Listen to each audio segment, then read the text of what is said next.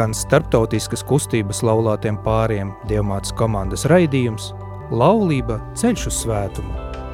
Sarunas par dzīvi laulība, savstarpējām attiecībām, laulātu pāru garīgumu. Uzdosim jautājumus un atklāsim pilnīgu laulības sakramenta bagātību.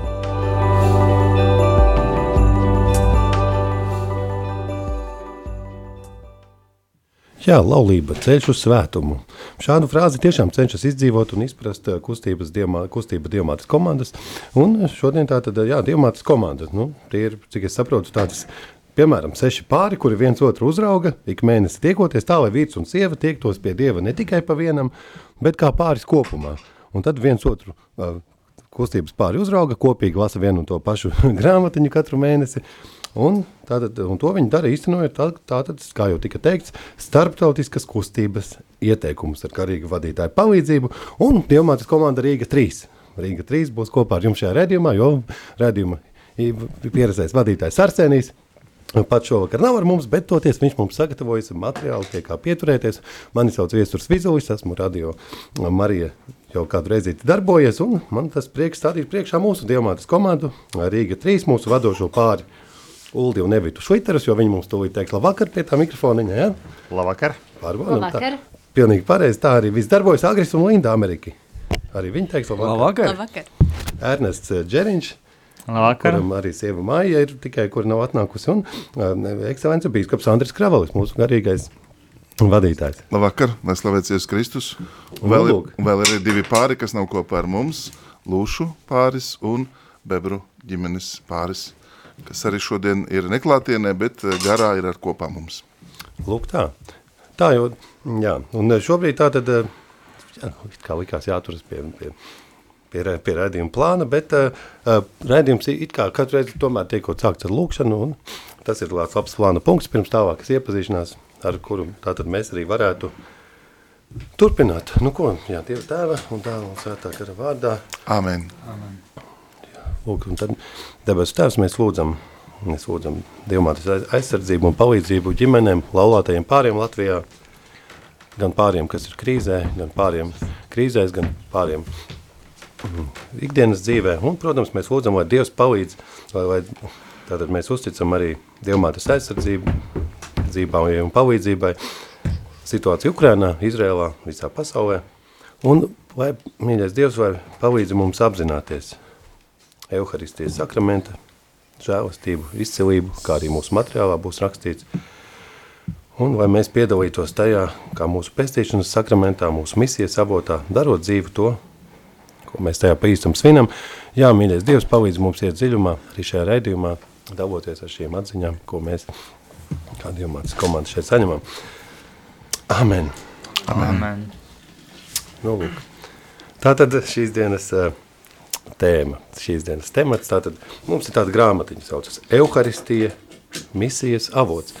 Euharistija, jā, tas jau visas kristīgās dzīves avots, bet izrādās Euharistija tātad tiek minēts arī kā laulāto, kā laulāto misijas avots. Un tas, un to mums arī aicina tātad kustības dibinātāji apspriest, ka arī laulātajiem pārim jāatceļas spēks Euharistijā, tā vienkāršotāk sakot. Bet eh, pirms mēs ķeramies šī rādījuma temats, starp citu, tieši, ja pagājušā reize bija veltīta tematam, viņš to svētīja, šīs dienas temats būs, viņš to lauzē, ja? par to mēs arī tuviņās sāksim runāt, bet varbūt divos vārdos par divos vārdos, mums šobrīd pēc rādījuma plāna, mazliet jāiepazīstas ar mūsu uh, pāriem, uh, Varbūt divos vārdos, ja jūs pateiktu, cik ilgi mūsu pāri ir kopā un kas ir tās galvenā lieta, kas uh, Dievmātes komandu kustībā kopienā ar citiem pāriem jums ir, nu, tātad uh, jums ir mainījusi dzīvi. Tātad, kurš pirmais vēlētos par to? Evita un Oldis pirmie. Jā.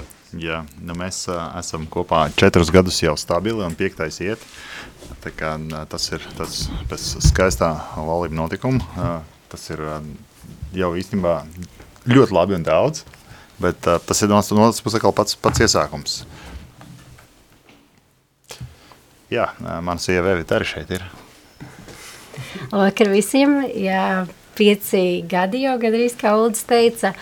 Un, jā, mēs esam arī Dievmātes komandās, un tas stiprina ā, uh, savā veidā arī mūsu laulības dzīvi, jo mēs uh, uh, kopš uh, aprecējāmies, uh, vairāk esam pievērsušies uh, baznīcai un uh, tas uh, varbūt daudz, kas agrāk pirms pieciem gadiem nebija skaidrs, tad tagad ar katru gadu uh, ieejot dziļāk ticībā un izprotot, izp, izprotot, kāpēc vispār mēs esam precējušies, jo tas ir tas, tas nav, tas ir tas skaists notikums un brīnišķīgs, bet tas nav tikai, kā saka, ja pirms tam man likās, ka svarīgi ir skaista baznīca, bet uh, svarīgi saprast, uz kādu, kādu kā, ceļu, uz ko tu paraksties, tad tagad uh, nav svarīgi, kāda ir baznīca, bet svarīgi ir uh, tie pamati, ar ko tu turieni kā ej un ko tu gaidi, un tu saproti, ka laulība ir tāda savu veidu cīņa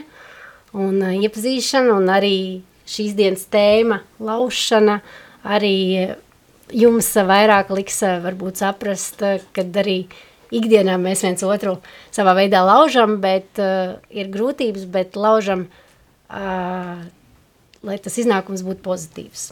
Varbūt mans vīrs vēlas kaut ko papildināt vēl, aizrunājos. Jā, lieliski. Nu, lūk. Jā, paldies Evitam. Tātad, uh, es tikai pateikšu, ka uh, Uldis ar Evitu nav vieni paši. Šeit studijā ir arī Lukas, kuram ir pat laban. Divi gadi un divi mēneši. Jā, un tāpēc, ja jūs dzirdiet fonā mazliet troksni, tad tas ir Lukas, kas arī šeit sevi piesaka. Viņam arī tātad, man bija gods ar viņu vistīt, un es gribēju teikt, ka šeit šie pāri, kas arī runās, ir viss saistīti ar Marijas Magdalēnas draudzi. Jā, un ja jau bīskaps Āģis Krabels ierunājās, varbūt pie viena, kā jūs uzskatāt, kas tad ir tas laulāto garīgums, ko šeit tik bieži piesauc? Pirmkārt jau garīgums ir saistīts ar tikšanos. Lai garīgumu dzīvotu, ir jānotiek tikšanās, un uh, laulība jau balstās tajā tikšanās dāvanā, bet pēc tam šī tikšanās ir jānostiprina, jāiesakņo. Un tāpēc dievmātes komandas, kas mums paliec pirmkārt jau savstarpēji, kā tu sacīja, uzraudzīt, uzņemties atbildību, bet patiesībā arī nu, iepriecināt, eh, sveitīt savstarpēji, aktualizēt to žēlastību. Un tāpēc jau vairākus gadus mēs šādā sastāvā, un, ja nemaldos, mazliet arī pieaugot, jo nāk bērni, nāk arī e, jauni dalībnieki, un e, mums ir šī žēlastība jau kuru gadu pēc kārtas, piekto, sesto, uh, iet šī ticības nu, tādā ceļā, un uh, mēs kā, nu, gan ne tikai pazīstam viens otru, bet arī saprotam, ka tieši tādā veidā ar šīm dievmātas komandām mēs labāk katrs iepazīstam savu aicinājumu, kā laulātie. Bet, lai atbildētu uz tavu jautājumu tieši ja, par ko nozīmē tad, nu, Euharistie, tā ir pateicība. Un uh, Euharistie, kā mums to baznīca māca un atgādina, ir tā kā virsotne, uh, uz kuru mēs tiecamies, lai mūsu dzīve būtu pateicības pilna dāvana, upuris, lai tā būtu svētība un reizē arī avots, no kura mēs smeļamies. Bet, kā jūs zināt, Euharistie, tas nav kaut kas individuāls, tas vienmēr ir saistīts ar draudzi, ar kopienu, ar kopību, un, eh, nu, radio klausītājiem ir šī žēlastība dzirdēt mūs kā tādu mazu draudzīti, un katru reizi tā ir kāda cita draudze, kas izdzīvo to savu neatkārtojumu žēlastību, Un tad mēs esam uh, numur trīs, uh, šī dievmātes komanda, uh, tā mēs arī sevi piesakām, un uh, mēs mēģinām dzīvot nu, pēc uh, tās varbūt programmas, ko dievmātes kustība mums piedāvā. Tāpēc uh, jau tik uzsvērts, ka šeit mums ir gan mācību materiāls, gan uh, lasāmviela, gan arī pārdomas mājās, gan arī ģimenē lūkšanas. Tad tā ir tāda ļoti, ja tā var teikt, jau Eh, nu, izstrādāta programma, kas palīdz augt eh, kristīgās dzīves aicinājumam. Vai nu tas būtu kā garīdzniekam, vai arī kā laulātājiem pārim. Ja, man jau pašam sākotnēji likās ļoti dīvaini, ka laulāto dzīvi sauc par īpašu aicinājumu, jo likās, nu kā, vai nu tas precies, ka visi cilvēki preces, tad ir aicinājums ar priesteriem. Bet uh, man, piemēram, mana sieva Evija šeit šobrīd nav, bet uh, mēs arī precējušies būsim jau 12 gadus, un mēs vienā brīdī sākām pamazām saprast, ka, ka arī nu, laulātajiem pārim tātad sava garīgā dzīve ir jādzīvo arī kopā, nepietiek, ka katrs lūdzas par sevi, jo daudz visādu krīžu apkārt, daudz visādu šķiršanos, un ja kopīgi, nu, kopīgi euharistie, tas ir, tas ir tāds varbūt minimums, bet rekur šī kustība piedāvā mums iespēju, un pienākumu galvenais, nevis iespēju, tātad, nu, vismaz censties regulāri lūgties kopā. Un, tad, kā, un tad, tad tikai arī ar laiku saprast, ka tas tāds īpašāks aicinājums. Ernest, ko tu gribēji piebilst? Jā, labvakar. Mm, mani sauc Ernests, un uh, es uh, laulībā ar savu sievu Maiju jau esam deviņus gadus. Mums ir divi bērni. Uh, un, šajā, šajā kustībā mūs, mūs ieteicināja Baibas tikute. Lielas paldies viņai par to. Mēs esam Dievam pateicīgi, ka tiešām esam diemāts komandās, jo ikdienas steigā tu bieži vien gan ar darbiem, gan ar bērniem kā aizmirst un, un pat, nu, tā kā, mm, jā, ne, nepamani to, ka tu pazaudē tādu tuvāku saikni ar Dievu, pazaudē varbūt pat saikni ar savu laulāto, un tad šeit tieši kustība palīdz tev tā kā uh, regulāri satikties ar līdzīgi domājošām ģimenēm, kuras arī ir uh, kristieši, kuras, kuriem arī ir bērni, kuriem ir tās pašas problēmas ikdienā, kopā lūgties, kopā pārrunāt, un, uh, un tā regularitāte arī palīdz tev atcerēties ar ikdienas dzīvē, ka vajag palūgties, uh, arī ir ļoti svētīgs tāds aicinājums reizi mēnesī apsēsties tiešām vakaros, un kas arī tieši mūsu ģimenē ļoti, ļoti noderējis, ka tu, tu apsēdies un parunā gan varbūt sadzīviskus jautājumus, gan arī ļoti intīmas un garīgus tēmas pieskaries, kas ļoti palīdz arī tuvināties viens otram. Paldies! Jā, paldies, Ernest. Jā, patiešām izklausās jau vienkārši vienā vārdā, ka pasaka apsēsties, tas nav tik vienkārši, draugi. Mums te tādos grāmatiņās ir specifiski izklāstīta tā apsēšanās kārtība, kā pāris pat tā pat, pat dziļo, ja tā drīkst teikt, apsēsties. Uh, Linda un Agris arī divos vārdos par jūsu dalību kustībā. Jā, sveicināti. Uh, man sauc Agris un uh, blakus sēž uh, Linda. Mēs kopā esam jau diezgan, diezgan ilgu laiku. Bet uh, cipars vairāk pārzina man sieva, tā kā es palūkšu. Nu jā, mēs draudzējamies kopš 15 gadu vecuma, kad mēs skolā gājām kopā 9. klasē, bet laulībā mēs esam pilns 14 gadus. Jā, rudenī svinēsim 15. Mājās vecāki šobrīd mums pieskat četrus mūsu bērnus vecumā no gandrīz viena gada līdz 13 gadiem. Nu, vēl es kaut ko Nu jā, un, un, un mēs kustībā arī esam, esam pieslēgušies un, un, un šķiet um, es visiem varu rekomendēt, jā, ka tīri fēni viss ir. Uh, un, uh, un, mēs esam jau četrus gadus te kustībā kopīgi, kop, kopīgi diskutējam un apspriežam visus šos skaistos tematus. Un, un, šodien, jā, šodien arī tāds, tāds interesants, bet ļoti būtisks temats par laušanu. Es domāju, ka arī mums būs, mums būs interesants diskusijas saistībā ar šo visu. Jā, es varētu piebilst, ka noteikti liels iegūms ir šie cilvēki, ko mēs esam iepazinuši. Šī mūsu komanda, kas ir mūsu stiprā garīgā aizmugure, pie kā vienmēr var meklēt padomu, kas vienmēr aizlūdz, ja ir nepieciešamība. Un vispār, nu, kristīgi cilvēki un katoļu ticībā cilvēki, jo būsim godīgi nu, tādā ikdienā mūsu dzīvē. Mums ir maz tādi draugi, kas ir ticīgi, un tāpēc ir ļoti liels prieks, ka mēs esam iepazinuši tiešām ticīgs cilvēks, kas, kas kļuvuši par mūsu draugiem. Mūsu bērni arī savā starpā draudzējās, viņiem ir draugi. Un, un jā, Tas noteikti palīdz ikdienā. Mums gan katram individuāli pieaug ticībā, gan kā laulātajiem pārim, gan arī kā ģimenei. Jo kā, mums ir tie pienākumi, kā, kas sākumā ir kā pienākumi, bet beigās viņi jau pārvēršas labos ieradumos. Ne, bet nepieciešamas šīs kopīgās lūkšanas gan, gan individuāli, gan kopā vienam ar otru, gan ar bērniem. Jā, Nu, brīnišķīgi. Patiešām četrus bērnus šobrīd pie jums eh, pieskata. Tas vien nozīmē, ka jūs savu brīvo svētdienas vakaru it kā brīvi esat atbraukuši šeit, šeit uz radio arī apspriest mūsu eh, grāmatiņas tematu šeit, bet eh, tad, mīļie klausītāji, man jūs mazliet jābēdina, temats netika izklaidējošs, netika izklaidējošs. Mazliet mēs nocitēsim par šo te maizes laušanu no mūsu komandu materiāla, un tad arī jūs aicināsim padomāt mums līdzi, un mēs pārunāsim, kas tur bija sacīts. Tātad, uh, Viņš ņēma maizi un lauza. Man tagad ir mazliet jānolasa. Tātad šī žesta, tātad Jēzus to dara pēdējo vakariņu laikā. Viņš ņēma maizi un lauza. Šī žesta vērtība bija tik augsta, ka apustuļu laikos ik vienas euharistiskās svinības sauca par maizes laušanu. Un te rakstīts, ka kā varbūt jau sākam nojaust šim vienkāršajam rituālam, bija nevien praktisks nolūks, lai ēdienu saņemtu visi mīlesti dalībnieki, bet arī ļoti dziļa nozīme. Un, ja sākam pārdomāt praktisko žestu, ko darām pirms katras maltītes, mēs drīz vien sapratīsim, lai maizi varētu ēst, tā jāsadala mazākos gabaliņos, un neviens neņemot no galda pilnu maizes klaipu, tad ir rakstīts. Bet pārsteidzoši konstatēt, ka vēl bez šīm praktiskajām lietām, ka šo žestu, ko varam izprast kā praktisku pieklājību, to dara pats Kristus. Un visos piecos evaņģēlijos minētajos stāstos par maizes un zivju pavērošanu, kā arī skaistajā stāstā par Emausas mācekļiem maizi reiz lauž Jēzus, uztver mūsu kopienas materiāls.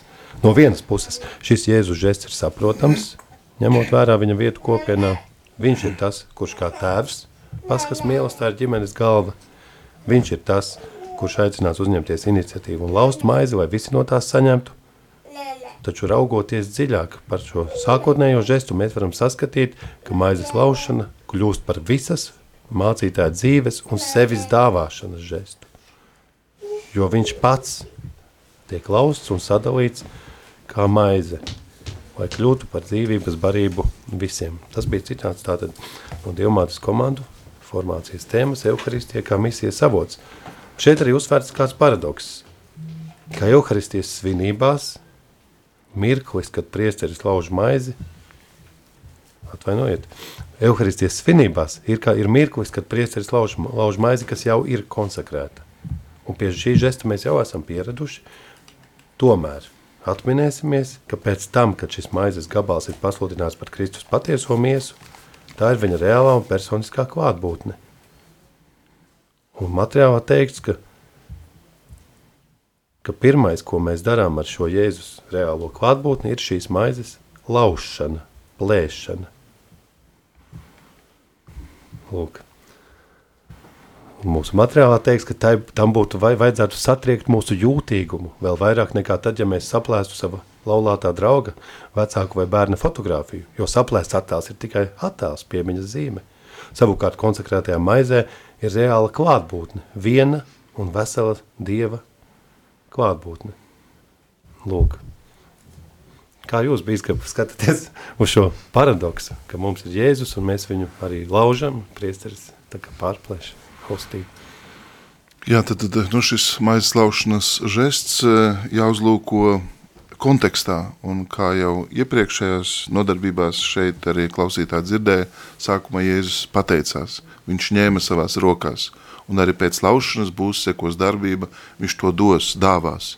Un mēs šajā raidījumā apstājamies tieši pie šī laušanas žesta un pārsteidzoši, ka mācekļi apusļu darbos e, kopā sanākot, īstenībā arī lauza maizi, viņi pastāvēja tad, tad sadraudzībā, apustuļu mācībā, lūkšanā, un ceturtais žests ir tieši maizes laušanā.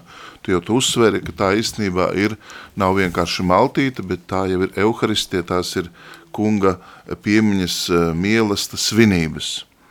Un uh, varbūt, uh, lai tiešāk un konkrētāk atbildētu uz tavu jautājumu, tad ir liturgisks skaidrojums, jo laužot maizi, mēs arī nu, atgādinam un apzināmies, ka Kristum ir dievišķā un cilvēciskā daba. Pēc tam arī laužot maizi, bieži vien mazs gabaliņš tiek ielikts Kristus asinīs, kas atgādina mums, ka Kristus miesa un asis, asinis ir vienotas. Vēl arī pirmajos gadsimtos bieži vien šis gabaliņš simbolizēja vienotību ar bīskapu, vienotību ar visu baznīcu. Tad mēs jau redzam, kā šis konkrētais žests, ko Jēzus darīja un ko patiesībā visi cilvēki arī pazina, jo jau vecajā derībā mēs lasām par maizes laušanu, jo cilvēki, kad nesa pateicības upurus, eh, deva Dievam, uzticēja to un arī bieži vien ņēma dalību paši šajā upurī dalījās. Nu, piemēram, lieldienu jārs jau vecajā derībā, tad eh, šis lieldienu jārs eh, tika apēsts tieši nu, sadraudzībā un kopībā. Un eh, tad, tad, tas, ko Jēzus darīja, visiem bija saprotams, tikai viņš pats kļūst par šo upurjēru, viņš sevi lauž, un e, tas notiek tad, kad viņš atdod savu dzīvi pie krusta. Tad, tad e, Euharistiju svinot, svēto misu svinot, mēs aktualizējam šo notikumu, un tas nes garīgus mums augļus. Tas ļauj mums komunicēt, iet attiecībās ar Kristu, baudīt viņa miesu un asinis, dzirdēt viņa vārdu, saprast, ka mēs ne tikai atceramies un pieminam, bet mēs ieejam šī realitātē, kas ir notikusi, kad Kristus ir savu dzīvību atdevis par katru no mums. Jā, tad, tad, Un es domāju, ka tieši tad, kad arī Kristus pavēroja maizi, viņš jau mēģināja mācekļus pieredināt ar to, ka šī maize tiks dalīta, caur apustuļiem nodota tālāk, cilvēki apsēdīsies grupiņās, ka viņi būs pāēduši ar pateicību, viņi savāks to, kas paliek pāri, un šī attieksme pret šo laušanas, maizes dalīšanas zīmi, žestu, viņa iet jau kristīgās dzīves, ja tā var teikt, tādā apziņā. Un varbūt man šīs pārdomas jānoslēdz, jo būtu varbūt svarīgi dzirdēt, ko jums tas nozīmē, kad jūs kā ģimenes tēvi laužat maizi, dodiet tālāk, ko nozīmē nu, ikdienā maize jūsu dzīvē un ar ko jums asociējās šis žests. Es kā garīdznieks varu teikt, tas ir nu svēts brīdis, jo mm, tajā brīdī es saprotu, ka Kristus nāk un viņš sevi dod pārpilnībā, viņš atdod sevi visu, viņš neko sev nepatur, un ka šī maize, kas tiek baudīta, tad dod nu, jaunu dzīvi. Tā dziedina dvēseles, tā dāvā mums pestīšanu.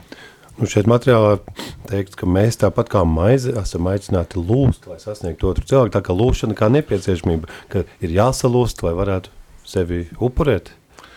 Nu, īstenībā tas ir tāds garīgās dzīves paradoks, ko Pāvils teiks tā. Tad, kad es esmu vājš, traušs, nespēcīgs, tad manī Dieva spēks kļūst pilnīgs. Mēs vienmēr uh, arī lūkšanā cenšamies būt atvērti Dieva gara darbībai. Un, ja tā var teikt, mēs kļūstam trausli Dieva rokās. Ir skaista līdzība vecajā derībā Dievs, kas veido savu tautu kā podnieks, māla trauku, un tieši arī tāpat kā maize, kas tiek mīcīta, lai kļūtu par labu maizi, tad ar šis laušanas žests arī mēs, kā kristieši, nesam sevi uh, Kristus um, um, to atpestīšanas drāmu, ka pestīšana ienākusi caur viņa ciešanām un nāvi, ka tas ir upuris, un mēs arī ņemam dalību bet mums kā ticīgiem cilvēkiem ir šī apziņa, ka mēs visas savas grūtības, ciešanas, problēmas varam ielikt Kristus upurī. Un ka tas Kristus ir tas, kas viņas ņem, dziedina, kas no tā mūs atbrīvo, un ka mēs tādā veidā ņemam nu, dalību Kristus mīlestības dāvanā. Tā, tā es saprotu svētās misas žestu, kas ir gan liturģisks, gan arī ļoti bibliski, nu, praktiski īstenojams katrā dievkalpojumā. Jā. Nu, lūk, un kādam varbūt rastos uzreiz jautājums, kāpēc ar lauvāto pāru kustībā mēs esam ķērušies zem palielināmā stikla pētīt vārdu laušana un laušanas šo fenomenu. Jā, šeit tiek teikts, ka šķietama pretruna, ka laušana un sadalīšana gabalos ir sevis dāvāšana, kas arī mums ģimenē būtu aktuāli. Kā jums šķiet? Laušana, sevis laušana, ģimenes dzīves kontekstā. Kādam varbūt ir kā, uz, kādas pārdomas uzreiz? Man, man, man, piemēram, ir tā, ka uh, laušana šajā gadījumā tieši konkrēti maizes laušana īstenībā asociējās vairāk ar satuvināšanos. Jo, nu, teiksim, kamēr tu neesi laulātajās attiecībās, tu ēd lauz maizi, nav ar ko dalīties, tad, tad ir tavs laulātais partneris, kuru laužot maizi jūs dalāties, un jūs jau esat tuvāki. Un, un tad jau tālāk, protams, bērni. Uh, nu, protams, li li lielos, lielos svētkos, ka visi sanāk kopā, tad tas rada tādu uh, uh, lielu uh, teiksim, kopības, eh, kopības būšanu. Un, eh, manuprāt, eh, nekāds paradoks man tas neliekas. Man tas tieši pastiprina šo te, domu par to, ka kā ģimenei, kā laulātam pārim būt kristietim arī nu, tas ir tas, tas satuvināšanās veids. Jā, bet vai, vai tu pats arī esi kaut kādā ziņā salā, jūties, nu, esi gatavs, vai tevi lauž ģimenes labā un attiecību labā vai tam līdzīgi? Man liekas, jau kad, tad, kad tu pieņem lēmumu uh, iet šo te, nu, teiksim, ceļu, la, salauzties ar savu partneri, tad uh, tas, tas pati būtība jau ir tāda, ka tu jau vairs ne, nedomā tikai par sevi. Un tā, tā, tā laušana, tas jau ikdienā mums tas jau varbūt jās, mēs to nesakām, es sevi laužu, bet es vairāk es tādas izējas kompromisu, ja es, es, es uh, samierinos ar kaut ko, es kaut ko nedaru vairs tikai sev. Uh, nu, visas tās, tās sadaļas, tas ir tā kā, um, kas, kas principā šajā gadījumā kontekstā ļoti pastiprina šo pašu būtību un, uh, teiksim, kri, kristalizē un skaidrāk parāda, kā tas faktiski īstenībā jābūt ģimenei. Nu jā, es varētu tikai papildināt, ka, ka tas, tas laušanas fenomens ir iespējams tikai, ja tu izdzīvo to mīlestībā. Nu, ja, ja, ir, ja, ir, ja tu dzīvo to caur mīlestību, tad tu vari sevi salauzt. Nu, un, un salauzt arī um, nu, tādā, tādā ziņā, kad, kad laulā, laulātajiem dot visu, kas viņiem nepieciešams. Nu. Uh, varbūt es arī papildināšu, ja jau Ulds visu pateica un Agris arī par, par laulāto, bet par vispār par laušanu arī, uh, ka laušana iespējami, jā, protams, ir mīlestībā, bet vispār laušana un uh, arī cilvēku laušana un cilvēku problēmas, man liekas, ir, uh, ka cilvēki viņ, no viņām bēg, un uh, manuprāt, ka problēmas un tāda sevis laušana uh, pie kaut, kādi, kaut kā izcila novadne protams, ne tikai laulības dzīvē, bet vispār cilvēkiem problēmas un sevis laušanu vajadzētu uh, grūti to pateikt, uzskatīt pozitīvi, bet uh, to vajadzētu saprast, ka tas notiek, ka kaut kas tevī mainās un kaut, uz kaut kādu izcilību tevi vai kaut kas, uh, uz kaut kur tas ceļš novadīs, jo pēc katras uh, kaut kādas lūzuma vai pēc problēmām cilvēks vienmēr ir uh, viedāks, gudrāks un um, un spēcīgāks. Ja, ja cilvēkam, manuprāt, nav tāda laušanas momenta vai grūtības, arī laulības dzīvē, kad ir kaut kāds grūts posms un viņš pāriet, mēs esam stiprāki un mēs viens otru novērtējam. Protams, svarīgi arī neiet pārāk dziļi tajā, tajā visā, bet ja to visu tieši, kā Gars teica, skatās caur mīlestības acīm un arī caur ticību, tad to laušanas posmu ir iespējams pārvarēt, saskatīt tajā pēc tam pozitīvo.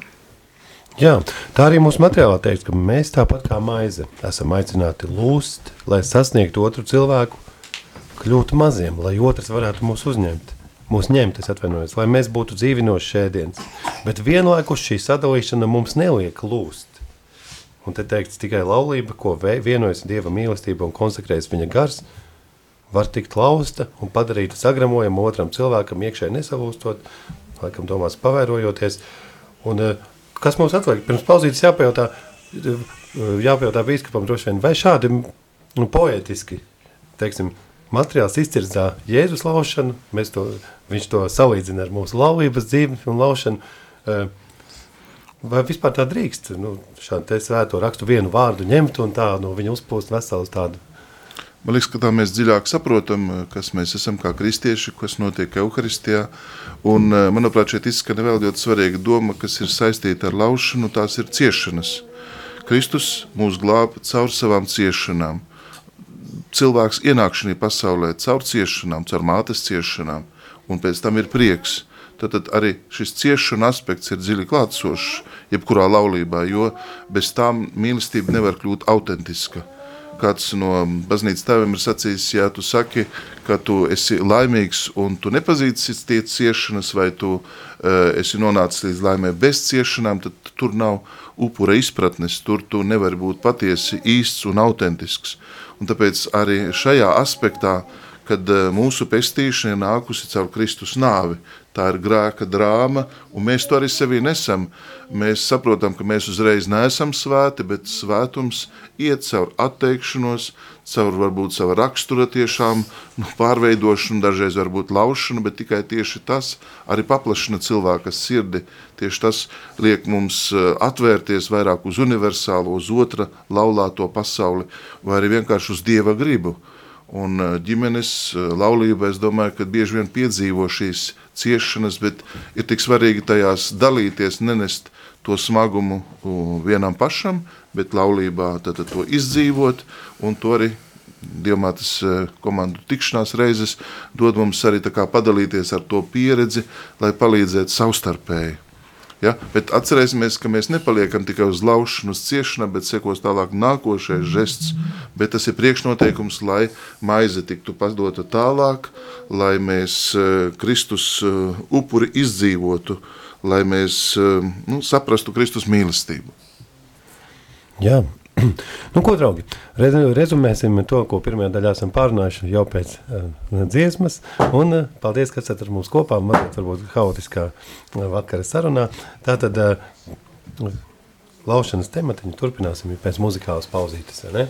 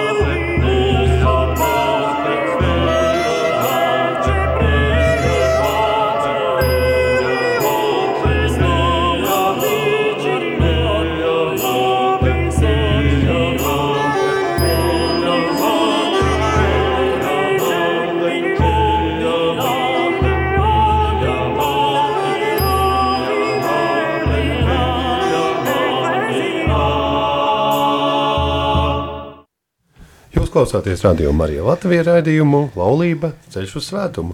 Komandas Rīga 3, Diemātas komandas Rīga 3 dalībnieks viesturs eh, šodien aizvieto raidījumu moderatoru un pirmajā daļā mēs pārdomājām Jēzus brīnumu, ko varētu rezumēt šādi. Tātad laužot sevi, palikt veselam un vienotam ar mums. Laužot, palikt veselam, es pat vēl piebilstu, ka pavairoties gal, nu, galā, ka tieši laužot. Tātad laužot sevi, tā kā kā pretrunu, lūst mums negatīvs vārds, pavairoties un palikt vienotam, vēl vairāk pozitīvs. Labi, rēdījuma turpinājumā mums jāturpina runāt par Euharistiju un kā laulības sakramentas stiprinātāju, ja? bet vispirms, kā katras mūsu dievmātas komandu tikšanās laikā, mēs varētu ieklausīties Dieva vārdā un pārdomāt šeit kopā to. Jā. Teksts no Jāņa evaņģēlijas sastās nodaļas. Un pēc tam Jēzus devās pāri Galilejas, jeb Tiberijas jūrai. Viņam sekoja liels ļaužu pūls, jo tie redzēja zīmes, ko viņš darīja slimajiem. Tad Jēzus uzkāpa kalnā un tur ar saviem mācekļiem apsēdās. Pasha, jūdu svētki bija tuvu, un Jēzus pacēla acis un ieraudzījis, ka liels ļaužu pūls nāk pie viņa, sacīja Filipam, kur lai mēs pērkam maizi, ko tiem ēst? Viņš tā teica, to pārbaudīdams, jo pats gan zināja, ko darīs. Filips viņam atbildēja, Par 200 denārijiem tiem maizes nepietiks, lai katrs kaut mazliet dabūtu. Viens no viņa mācekļiem, Andrejs, Sīmaņa Pētera brālis, viņam sacīja, šeit ir kāds zēns, kuram ir pieci ma miežu maizes un divas zivis, bet kas gan tas ir tik daudziem? Jēzus sacīja, lieciet ļaudiem apsēsties. Un tajā vietā bija daudz zāles, un tie apsēdās, skaitā 5000 vīru. Un tad Jēzus paņēma maizes un pateicies Dievam izdalīja mācekļiem, bet mācekļi tiem, kas bija apsēdušies – Tāpat arī no zivīm, cik kurš gribēja, un kad tie bija pa pilnam pēduši, viņš sacīja saviem mācekļiem: Salasiet pāri palikušo maizi, lai nekas nepazustu. Tie salasīja un piepildīja 12 grozus ar maizes gabaliem, kas pēdušiem bija palikuši pāri no piecām miežu maizēm. Un tad nu ļaudis redzēdam šo zīmi, ko viņš darīja, sacīja, šis patiesi ir pravietis, kam jānāk pasaulē. Jā, tie bija svēto rakstu vārdi un dievmātes komandas tiekoties ikmēneša, ikmēneša tikšanās reizēs arī patiešām mēdz uzsvērt kādu konkrētu vārdu vai teikumu, kas konkrētā rakstu vietā viņus uzrunājas, protams, kontekstā varbūt ar šīs dienas tematu. Uh, kas mums šoreiz šeit, šovakar, šeit radio, tieši šajā brīdī no jauna klausoties, kas, ir, kas jums iekrit acīs? Nē, nu jā, es, es droši vien varētu pakomentēt no savas puses. Šis ļoti, ļoti interesants raksta vieta, un, eh, un te var gan skatīties burtiski uz to, gan arī varbūt tās eh, mēģināt eh, caur šo raksta vietu attiecināt to uz arī mūsu dzīvēm. Nu, pirmā lieta, kas nāk, nāk, nāk prātā lasot šo rakstu vietu, protams, ir tas, kad, kad nu, ne jau Dievs rada, bet Dievs no kaut kā rada. Tad kaut kam jābūt pamatā tam visam. Un tas, tas ko, ko varbūt mēs varam attiecināt arī uz mūsu ģimenes dzīvēm, ir tas, ka ne jau, ne jau Dievs, Dievs var radīt mūsu attiecības spēcīgas un, un, un labas, un tikai ja mēs iedodam kaut, kaut ko, kaut ko mazumiņu tajā visā, un lai, lai būtu no kā rasties, varbūt tās pavairoties labam, labajam mūsu dzīvēs. Tas, tas, tas, ir tāds, tāds, tāds, tāds redzējums no manas puses, kad, kad, nu jā, kad, kad nerodās nekas tukšā vietā, rodās kaut kas, kaut kam jābūt ir pamatā. Jā, skaisti teikt, jā, agri, paldies, es arī uzreiz tā iedomāju, tiešām zēnam bija 50 miežu maizes, bet vismaz maz zēns, bet kaut ko mazliet atnes, bet citās vēl ir nakts vietās, kur piepilda ūdens traukus līdz malām, tikai tad var sākties kāda pārvēršana, tam līdzīgi, jā, paldies, agri, kurš vēl gribēja piebilst?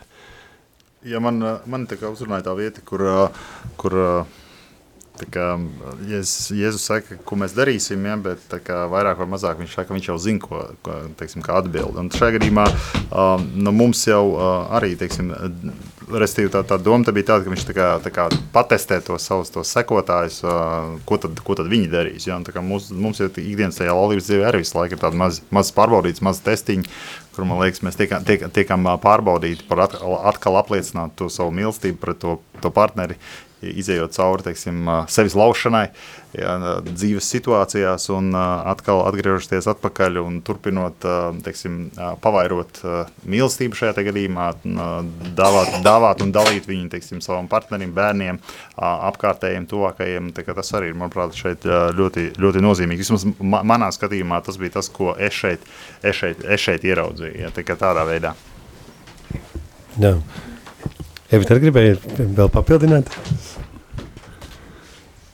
Nu jā, man tieši to pašu uz, uzrunāja tieši tas pats, ko, ko, ko Uldi, kad, kad, jā, kad tā sevis laušana ikdienā un ka, tā ir, ka tas ir nepieciešams, lai reizēm arī vairāk ar citām acīm ieraudzītu otru vai arī sajust vairāk mīlestību.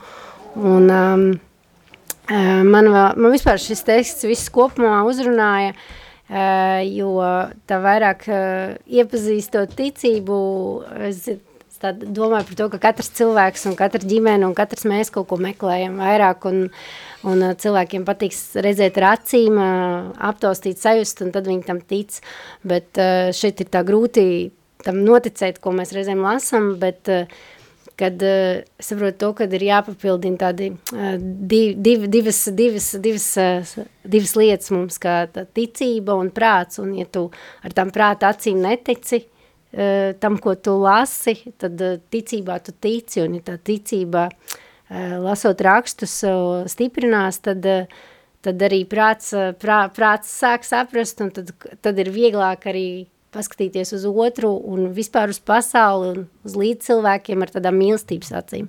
Tāpēc svarīgi ne tikai nostiprināt tādu pasaulīgās lietas un ko mēs redzam, bet tā garīgā pusē, kas ir, kas, eh, kas vairo to mīlestību un arī strādā ar mūsu uh, sirdi, uh, tas ir um, vārds un, un ticība, un tāpēc tas tā kā arī ļoti, manuprāt, svarīgi palīdz ikdienam. Ja, no kuriem tieši, no, no kuri tieši vārdi tev iedvesmojuši šīm pārdomām, ja, ja tu vari precizēt? Varbūt, uh, uh, tieši tajā vietā bija tā, es atvainojos, tā salsiet pāri palikušo maizi, lai nekas nepazust. Tie salsījumi piepildīja 12 grozus, uh, ar maizes gabaliem, kas, kas pēdušiem bija palikuši pāri no piecām miežu maizēm. Tad un ļaudis redzēdam šo zīmi, ko viņi darīs acīs, šis patiesi ir pravietis, kam jānāk pasaulē.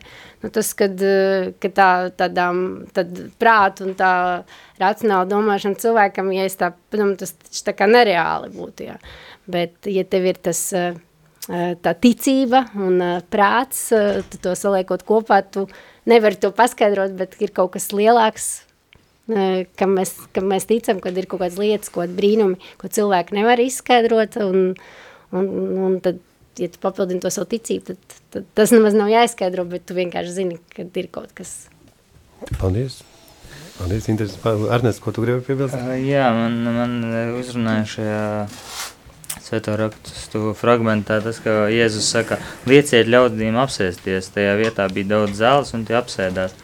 Man liekas, arī mūsu ikdienā ir tā, ka mums arī dažreiz ir jāapsēžas no tās visas steigas, no ikdienas, no tā, lai pabūtu arī disku mierā, ieklausīties, ko Jēzus mums grib arī pašiem teikt ikdienā un savās, savās dzīvēs, kā mums labāk rīkoties. Un vēl man arī turpat patika, tad Jēzus paņēma maizi un pateicies Dievam, izdalīja mācekļiem, bet mācekļi tiem, kas bija apsēdušies ka man liekas, arī tā pateicība Dievam arī ir ļoti svarīga mūsu dzīvē, ka mēs Dievam jau esam pateicīgi par to, kas mums ir, par mūsu laulību, par mūsu, par mūsu bērniem, par mūsu ģimeni, par mūsu tuviniekiem. Un, man liekas, arī jābūt tādiem, tādiem devīgiem, kā arī šajā raksturvietā Jēzus, Jēzus lauza, dev, dalījās, un tas devīgums radīja to, to, to visu, ko visi bija pāēduši. Tāpat arī mums jācenšas būt tādiem, manuprāt, arī man pašam par sevi, jābūt tādam devīgam savā sirdī, jo tas vairo labo, un, un tad, arī, tad arī vairāk, vairāk izstaro to kristiešu gaismu, ko, ko Jēzus ar mums grib arī visai pasaulē parādīt. Oi, cik skaisti un filozofiski izklausās. Vēl kāds gribēja uzreiz? Nē, nē, es kopumā laikam varu pateikt to, ka šis uh, fragments uh, vienkārši vēlreiz liek pārdomāt to Dieva visvarenību un to, ka Dievam nekas nav neiespējams, jo tur ir aprakstīts nu, tāds pilnīgi liekas tā, nu, cilvēks saprātam neiespējams lietas, bet, bet Dievam nekas nav vien neiespējams un atliek vien paļauties, atliek vien ticēt. Un jā, un te jau tā kā tas pieminētais tas, ka, ka Dievs no mazumiņa viņš, viņš tā kā pavairo un rada kaut ko milzīgi lielu un kad, uh, mēs paši lūstam, un pat ja mēs caur šo, šo lūšanu varam kaut mazumiņu dot, bet īstenībā ar to Dieva spēku tas tiek pavairots un var radīt kaut ko milzīgi lielu paliekošu un labu. Un, jā. Man pašam, jā, paldies, man pašam gribēs par līdzīgu mazumiņu piebilst. Tīri no laulāto dzīves, es domāju, šādā redzījumā es drīkst to izstāstīt, sievas gan nav klāt, bet uh, mums, kad bija vairāk, man, nu, man mazāk, mazāki bērni, piemēram, uh, kādu brīdi mēs katrs savā istabā gulējām un bijām ļoti sastrīdējušies. Un es biju ielīdis savā gultā un domāju, nu viss, šovakar mēs vairs nerunāsim. Var un, uh, nu, es, un es arī biju drošs, ka tik ļoti, nu viss bez variantiem. Un tad man ienāca prātā tāda ideja, tas mazumiņš, ka man vajadzētu aiziet vienkārši, nu, atvērt tā pavērt durvis, pateikt ar labu nakti un viss. Nu, tā kā, un nākt atpakaļ, līdz atpakaļ gultā, un bija slinkums, kaut kā domāju, ai, nu labi, aiziešu. Nu, to, nu, bet viss tiešām, neko tālāk nerunāsim, es vienkārši pateikšu vienu vārdu ar labu nakti. Un es aizvilkos atvērtu, un pateicu, ar labu nakti atnāca atpakaļ. Un tāpēc brīdiņa viņa atnāca, un uz kaut kā pietika to vienu vārdu, lai vismaz sāktos tālāk tā kaut kāda risināšanās, raudāšana, atslābinā, nu, atslābums, un, un viss tā kā izrisinās, ir kā, nu, pats no sevis. Bet eh, vienkārši agres iepriekš teica, ka es atnesu savu ar labu nakti, un viss, man cita nekā nebija. Man ne, nu, tik, cik es varēju, es izdarīju. Bet, ja es arī to nebūtu izdarījis, iespējams, nebūtu izdevies to noregulēt. Lūk, eh, Kādu vēl mums rezumējam par šo Jāņa evaņģēlija vietu? Jā, atgādini, mēs to pašu sesto nodaļu lasījām par to laušanu un trupaču salasīšanu. Jā, šī vieta ir ļoti būtiska, jo tā jau liek mums saprast, kā tas būs ar Euharistiju, kā tas būs ar svēto vakariendienu, ar svēto misi. Man personīgi ļoti fascinē nu, jautājums, eh, un Agris jau šeit izcēla, nu, kur lai pērkam maizi? Kaut gan labi zinām, ka nu, nopirkt jau nekur nav, un kāpēc es tā jautā, nu, jo viņš viņu aizvedis ir tik tālu pārcēlies Galilejas ezeram, ka tur ir tā kā sava veida nu, tāds jautājums, izaicinājums, kā mācekļi rīkosies. Un, ja mēs kontekstā skatāmies, mācekļiem būs jāceļās atpakaļ pāri Galilejas ezeram, jeb jūrai, un tad būs vētra. Un tad mācekļi atkal baidīsies, un tad, manuprāt, tas, ko jūs šeit izcēlāt, ir tie 12 grozi, un Jēzus liek viņus salasīt, lai mēs atcerētos, lai mēs paturētu prātā, jo viņš tai vētra atkal atgādinās, vai te jūs, kā saka, neatceraties, kā, cik jums maizes pāri palika, vai tad mēs to žēlastības mirkļus nepaturam prātā un neatsaucam, ja? Un tieši tādā veidā, es domāju, mēs tiekam pāri mūsu ievainojumiem, mēs tiekam pāri arī grūtībām un tiekam dziedināti caur to, ka mums ir pateicības pilna atmiņa un ir kaut kas tāds, kas mums to atgādina, jo tie ir mācekļi, kas pēc Jēzus pavēles to salasa, liekas, nu, mēs taču vienmēr ēdienu nemetam ārā salasa, bet tas palikušais ēdiens ir tāda universāla zīme, jo 12 grozi simbolizē arī 12 Izraēla ciltis, tas ir pilnības skaitlis, tie ir apustuļi, kas tiek sūtīti, tātad, nu, dievvārda sēklu nest pasaulē. Un, eh, protams, ļoti fascinējoši ir šis mazais zēns, tiek uzsverts, ka viņš ir zēns, ka tas nav vienkārši cilvēks, vīrietis, sieviete, bet varbūt mazam zēnam bija varbūt vieglāk, ja tā var teikt, atteikties no tā, kas viņam ir, uzticēt, dot Jēzum, iespējams, kad arī mūsu attiecībās ar Dievu ir jākļūst mazākiem, ja mēs nekļūstam kā bērni, mēs debes valstībā neiesim, un šeit arī atgādinājums, tāds garīgās dzīves likums, kā tad mēs varam uh, nu, problēmu, grūtību, izaicinājumu priekšā būt kā mazi bērni, kas bieži vien nu, par pārsteigu mums atrisina savas problēmas daudz ātrāk, vieglāk nekā mēs, kad mēs iespringstam un kad mums nāk eh, prātā citas jūtas un eh, ka mēs dažreiz tā kā nobloķējamies un, un paralizējam attiecības vai, vai nerunājam, tad tieši šeit nu, redzam, cik tas ir tā kā dziedinoši un ka tā pateicības pilna atmiņa par to, kas ir noticis, lai tā mūs pavada. Manuprāt, arī laulībā vienmēr taču grūtos brīžos atgriežamies pie pirmās žēlastības, pirmās mīlestības, pie derības vārdiem, pie svētības. Tāpēc eh, redzam, cik nu, daudzšķautņaina šī vienkārši šis svēto rakstu panti daži, ja tas kā dimants, katram ir savs aspekts, un pēc tam tas mūs ļoti nu, bagātni, tas liek pārdomāt arī, eh, kā tādā veidā mēs kā maza grupa, kā komanda varam tikt bagātināt ar Dieva vārda spēku un žēlastību un gaismu. Jā, paldies par mūsu pārdomām, tā arī ir patiešām Cerams, ka arī kādu no klausītājiem varbūt eh, bagātinē vai kāda asociācija ar mūsu runāto arī jums ienāca prātā. Un šobrīd tā tad eh, jāpārbauda pēc mūsu raidījuma plāna, cik mums atlicis laika un eh, kas mums vēl bija jānorezumē. Tā tad tikai viņa, tā tad tikai viņa rokas var panākt to, ka dalītais pavairojas teikts. Ka tas, kas mums nozīmē zaudēt dzīvību, palīdz mums to iegūt un kļūt par dzīvības avotu visiem. Mūsu materiāls saka, ka Jēzus nedara neko jaunu. Viņš mums nedod citu dzīvi, citu laulāto vai citus bērnus, bet viņš dara jaunu visu, kas mums jau ir dots. Jā. Jā, es, es vēl gribēju tikai papildināt to, ka um, tas, ko Bīskaps arī teica par, par to, ka um, nu, tajā rakstvietā bija arī minēts, ka um, nu, bija jāsalasa pārpalikusī mājas 12 grozi, uh, droši vien, ka tas arī mūsu dzīvēs, arī mūsu laulības dzīvēs ļoti būtiski, ka mēs ne tikai, ne tikai esam pēduši, ja mums ir labi, labi mūsu laulības dzīvē, bet arī to, ka mēs nu, piefiksējam to, ka mums tiešām ir labi. Nu. Un tad tie pielasītie 12 grozi, ko varēja arī nelasīt teorētiski. Nu. Bet, eh, bet šajā gadījumā Jēzus tiešām palūdza lasīt, un tagad mums ir ko atcerēties. Jā, interesants aspekts patiešām. Es tā ne, nebiju aizdomājies, ka viņš taču vēl atgādina vēlāk, kad viņi kuģo, vai ne? Ka vai neatceraties, cik grozi esat, pie, esat pielasījuši. Jā. Viņš saka tad par maizi, un uh, viņš saka, kāda rauga jūs esiet, un tie īstenībā nesaprot, par ko iet runa, bet tie īstenībā atsaucās uz šo notikumu, un nu, maizi īstenībā jau ir dota, lai dalītu, ja, ka to mēs nepaturam sev, bet uh, vienmēr tā ir nu, gan kā gan kā svētība, gan kā atgādinājums, gan kā arī nu, dievišķa klātbūtne. Manuprāt, šeit arī tā, nu, tas um, maizes daudzums liek arī mums atcerēties, kas notiek ar to, kad Jēzus pārvērš ūdeni vīnā. Un mēs saprotam, ka vīns, ko mēs baudam, tā jau ir zīme Kristus asinīm. Un tāpat arī šeit šī maize, kas pārpilnībā tiek dota, viņa jau ir uh, atgādinājums un aktualizācijas spētai komunijai, ko mēs baudām pārpilnībā, nu, ņemot no viena Kristus upura. Jā. Nu ko, uz rādījumam tuvojot, tuvojoties noslēgumam, mums ir visiem komandas dalībniekiem šeit rādījuma scenārijā piedāvāts jautājums, vai mūsu laulībā mēs piedzīvojam laušanas, ļaušanas un vienošanās, un vai esam piedzīvojuši, ka atdodot sevi, cilvēks patiesībā iegūst. Daļai esam par to jau runājuši, varbūt kādi aspekti vēl nav pieminēti. Tātad vai mēs, lau, varbūt nevis vai mēs piedzīvojam, bet varbūt vēl var kāds atcerēties, kā mēs piedzīvojam.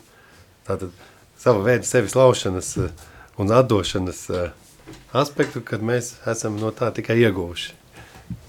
Ja es domāju, ka um, katru, katra diena uh, ir sava, sava, sava veida jauna laušana ceļā uz kā, nu, uh, labāku, pilnveidīgāku laulību dzīvi. Uh, Nevienmēr, protams, viņa varbūt neizskatās tik, tik saulaini, ja bieži, bieži varbūt pelēkās krāsās, kā mums te Latvijā arī laiks, bet tas, tas pats pamats tieši šajā te varbūt mācību nodaļā, vai, vai, vai kā varētu teikt, stundā bija par to, ka bez tās laušanas jau mēs arī nemazām nesaredzēsim to, to skaisto un to labo, nu, teiksim, tajā, tajā ikdienas, ikdienas esamībā. Ja? Tas ir pats pamats, man liekas, tam, kādā veidā mēs turpinām pilnveidoties gan kā ģimene, gan kā laulātais pāris, gan kā kristieši. Es domāju, ka tas ir ļoti svarīgs aspekts tam visam. Jā, es piekritīšu Uldim, un, un jā, nu jāsaprot arī, ka, ka tā laušana, tā laušana, laušana, laušana otram cilvēkam, lai iet labāk, nu, nav jau tā, ka visās ģimenēs iespējams tāds notiek, nu, un, un, bet, bet Bet ir svarīgi saprast visām ģimenēm šo, jo tikai tajā brīdī, kad izprot šo, šo nu, tā, raksturvietu vai kopumā to, to, to pieeju um, la, laulībai, nu, kad, kad ir, ir jādodas, ir, ir, ir, ir maksimāli jāziedojās otram cilvēkam, tad tikai tādā veidā tu, tu vari nu, to laulību uzturēt dzīvu. Nu, un, un svarīgi ir, ir, ir, ir jā, nu, uzturēt dzīvu savu laulību. Ja es papildināšu arī Vīruldi un Agri, kad ja, tā laušana savā veidā ir, kā jau pašā sākumā teica, ir būtiska, ja tā mēs tā kā nevaram īstenībā nonākt līdz varbūt pašiem, paš, paš, līdz pašam, pašas savas meklējumiem, jo laužot kaut kādā veidā tu arī uh, iepazīsti sevi, tu redzi sevi, tu redzi arī otru, tas tā ģimenes dzīvē, bet vispār kopumā dzīvē, kad uh, cilvēks uh, sevi tā lauž, man liekas, ka tas tāds, ka cilvēks kaut ko meklē arī savā veidā un caur tādu laušanu, ja, ja tas, kā es teicu, lai tas ir tādā uh, mīlestībā un ka tas nav pārāk uh, smagi, tad cilvēks noteikti at, atskatoties to atpakaļ, to posmu noteikti kļūst stiprāks, jo bez tādiem lūzuma, lūzuma, dzīves lūzuma punktiem un problēmām, man liekas, nav tādas arī izcils personības un nav arī tādi cilvēki, nerodās tad cilvēki, kur varbūt iedvesmot pēc. Tas ir būtiski, kad uh, cilvēks pasakās paldies savām problēmām un arī tām lietām. Un manuprāt, kad Dievs uh, arī varbūt eh, ne jau, kāpēc mēs domājam, kāpēc Dievs pieļauj problēmas, tad es tā kaut kā vairāk sāku izprast, ka īstenībā tas varbūt cilvēkam nāk par labu. Viņš to pats nesaprot, bet uh, caur kaut kādām problēmām arī cilvēks kaut kādā veidā sevi nostiprina un ierauga un, un attīsta sevi. Lūk, jā, tā, to teica Evita, mūsu komandas Rīga 3, šī atbildīgā pāra lauvātā uh, sieva, bet eh, šobrīd, rezumējot eh, šīs dienas redzējumu, jāsaka, ka, piemēram, pienākums apsēsties pārim un stundu pavadīt dziļākā tuvībā un pārunāt svarīgus jautājumus, šomēnes arī mums, mums kā komandai šeit ir piedāvājis tātad dialogu par tām dzīves jomām, tātad, eh, kur vajadzētu vairāk ļauties, lai, ļauties droši vien domāt laušanas procesam un pavairošanās procesam. Un, un jāpārunā pārim, piemēram, mūsu komandā, kuras ir tās lietas, kas man šķiet mani salauž. Un to mēs arī varam padalīties ar šo uzdevumu ar klausītājiem. Arī jūs, kas esat lauvātā pārī, ja jūs 15 minūtes uztaisat tēju un aprunājaties, kas jums šķiet ir tas, kas jūs, jūsu lauvātā dzīvē lauž, vai kur jūs redzat līdz ar to varbūt kādu potenciālu, vai tas varbūt arī jums ir kāds labs saruna temats. Un uh, paldies, ka bijāt uh, Pacakot, mūsu kopīgajā komandas uh, sajūtā mazliet paciemojušies. Un paldies Radio Marija, ka Dievmātas komandas kustībai ir savs laiks un raidījums, kad varam pārunāt tā vai citādi par lauvāto garīgumu, šī dienas reizē par uh, laušanu. Un pavadošie vārdi man vēl bija jānolas, ka ik reiz, kad tiek dalīta maize, tiek dalīta dzīvība. Un klātesošs darīts Dievs, kurš ir dzīvība, mīlestība. Nav cita līdzekļa, kā pielīdzināties Dievam un tuvināt viņu Citiem evaharistija ir šīs Jēzus rīcības piemiņa. Jēzus, kurš lauza un dalīja. Lauzdams un dalīdams pats sevi. Viņš darīja klātesošu Dievu, kurš ir pilnīgā dāvana. Acīm redzot, viss iepriekš runātais ir iespējams tikai tad, kad mēs sevi esam uzņēmuši Jēzu caur evaharistiju, kas arī bija mūsu formācijas materiāla nosaukumā. Nu ko, draugi? Vai skan Magnificat? Dievmātas komandu kustību uh, pamat lūkšana, vai viņi skan šoreiz dziesmas formā.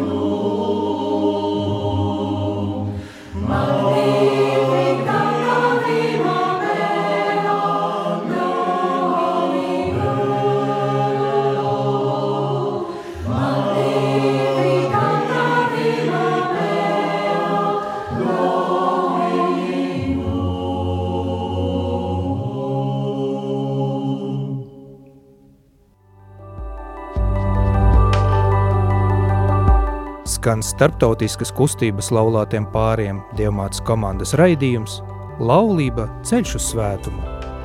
Sarunas par dzīvi laulība, savstarpējām attiecībām, laulātu pāru garīgumu. Uzdosim jautājumus un atklāsim pilnīgu laulības sakramenta bagātību.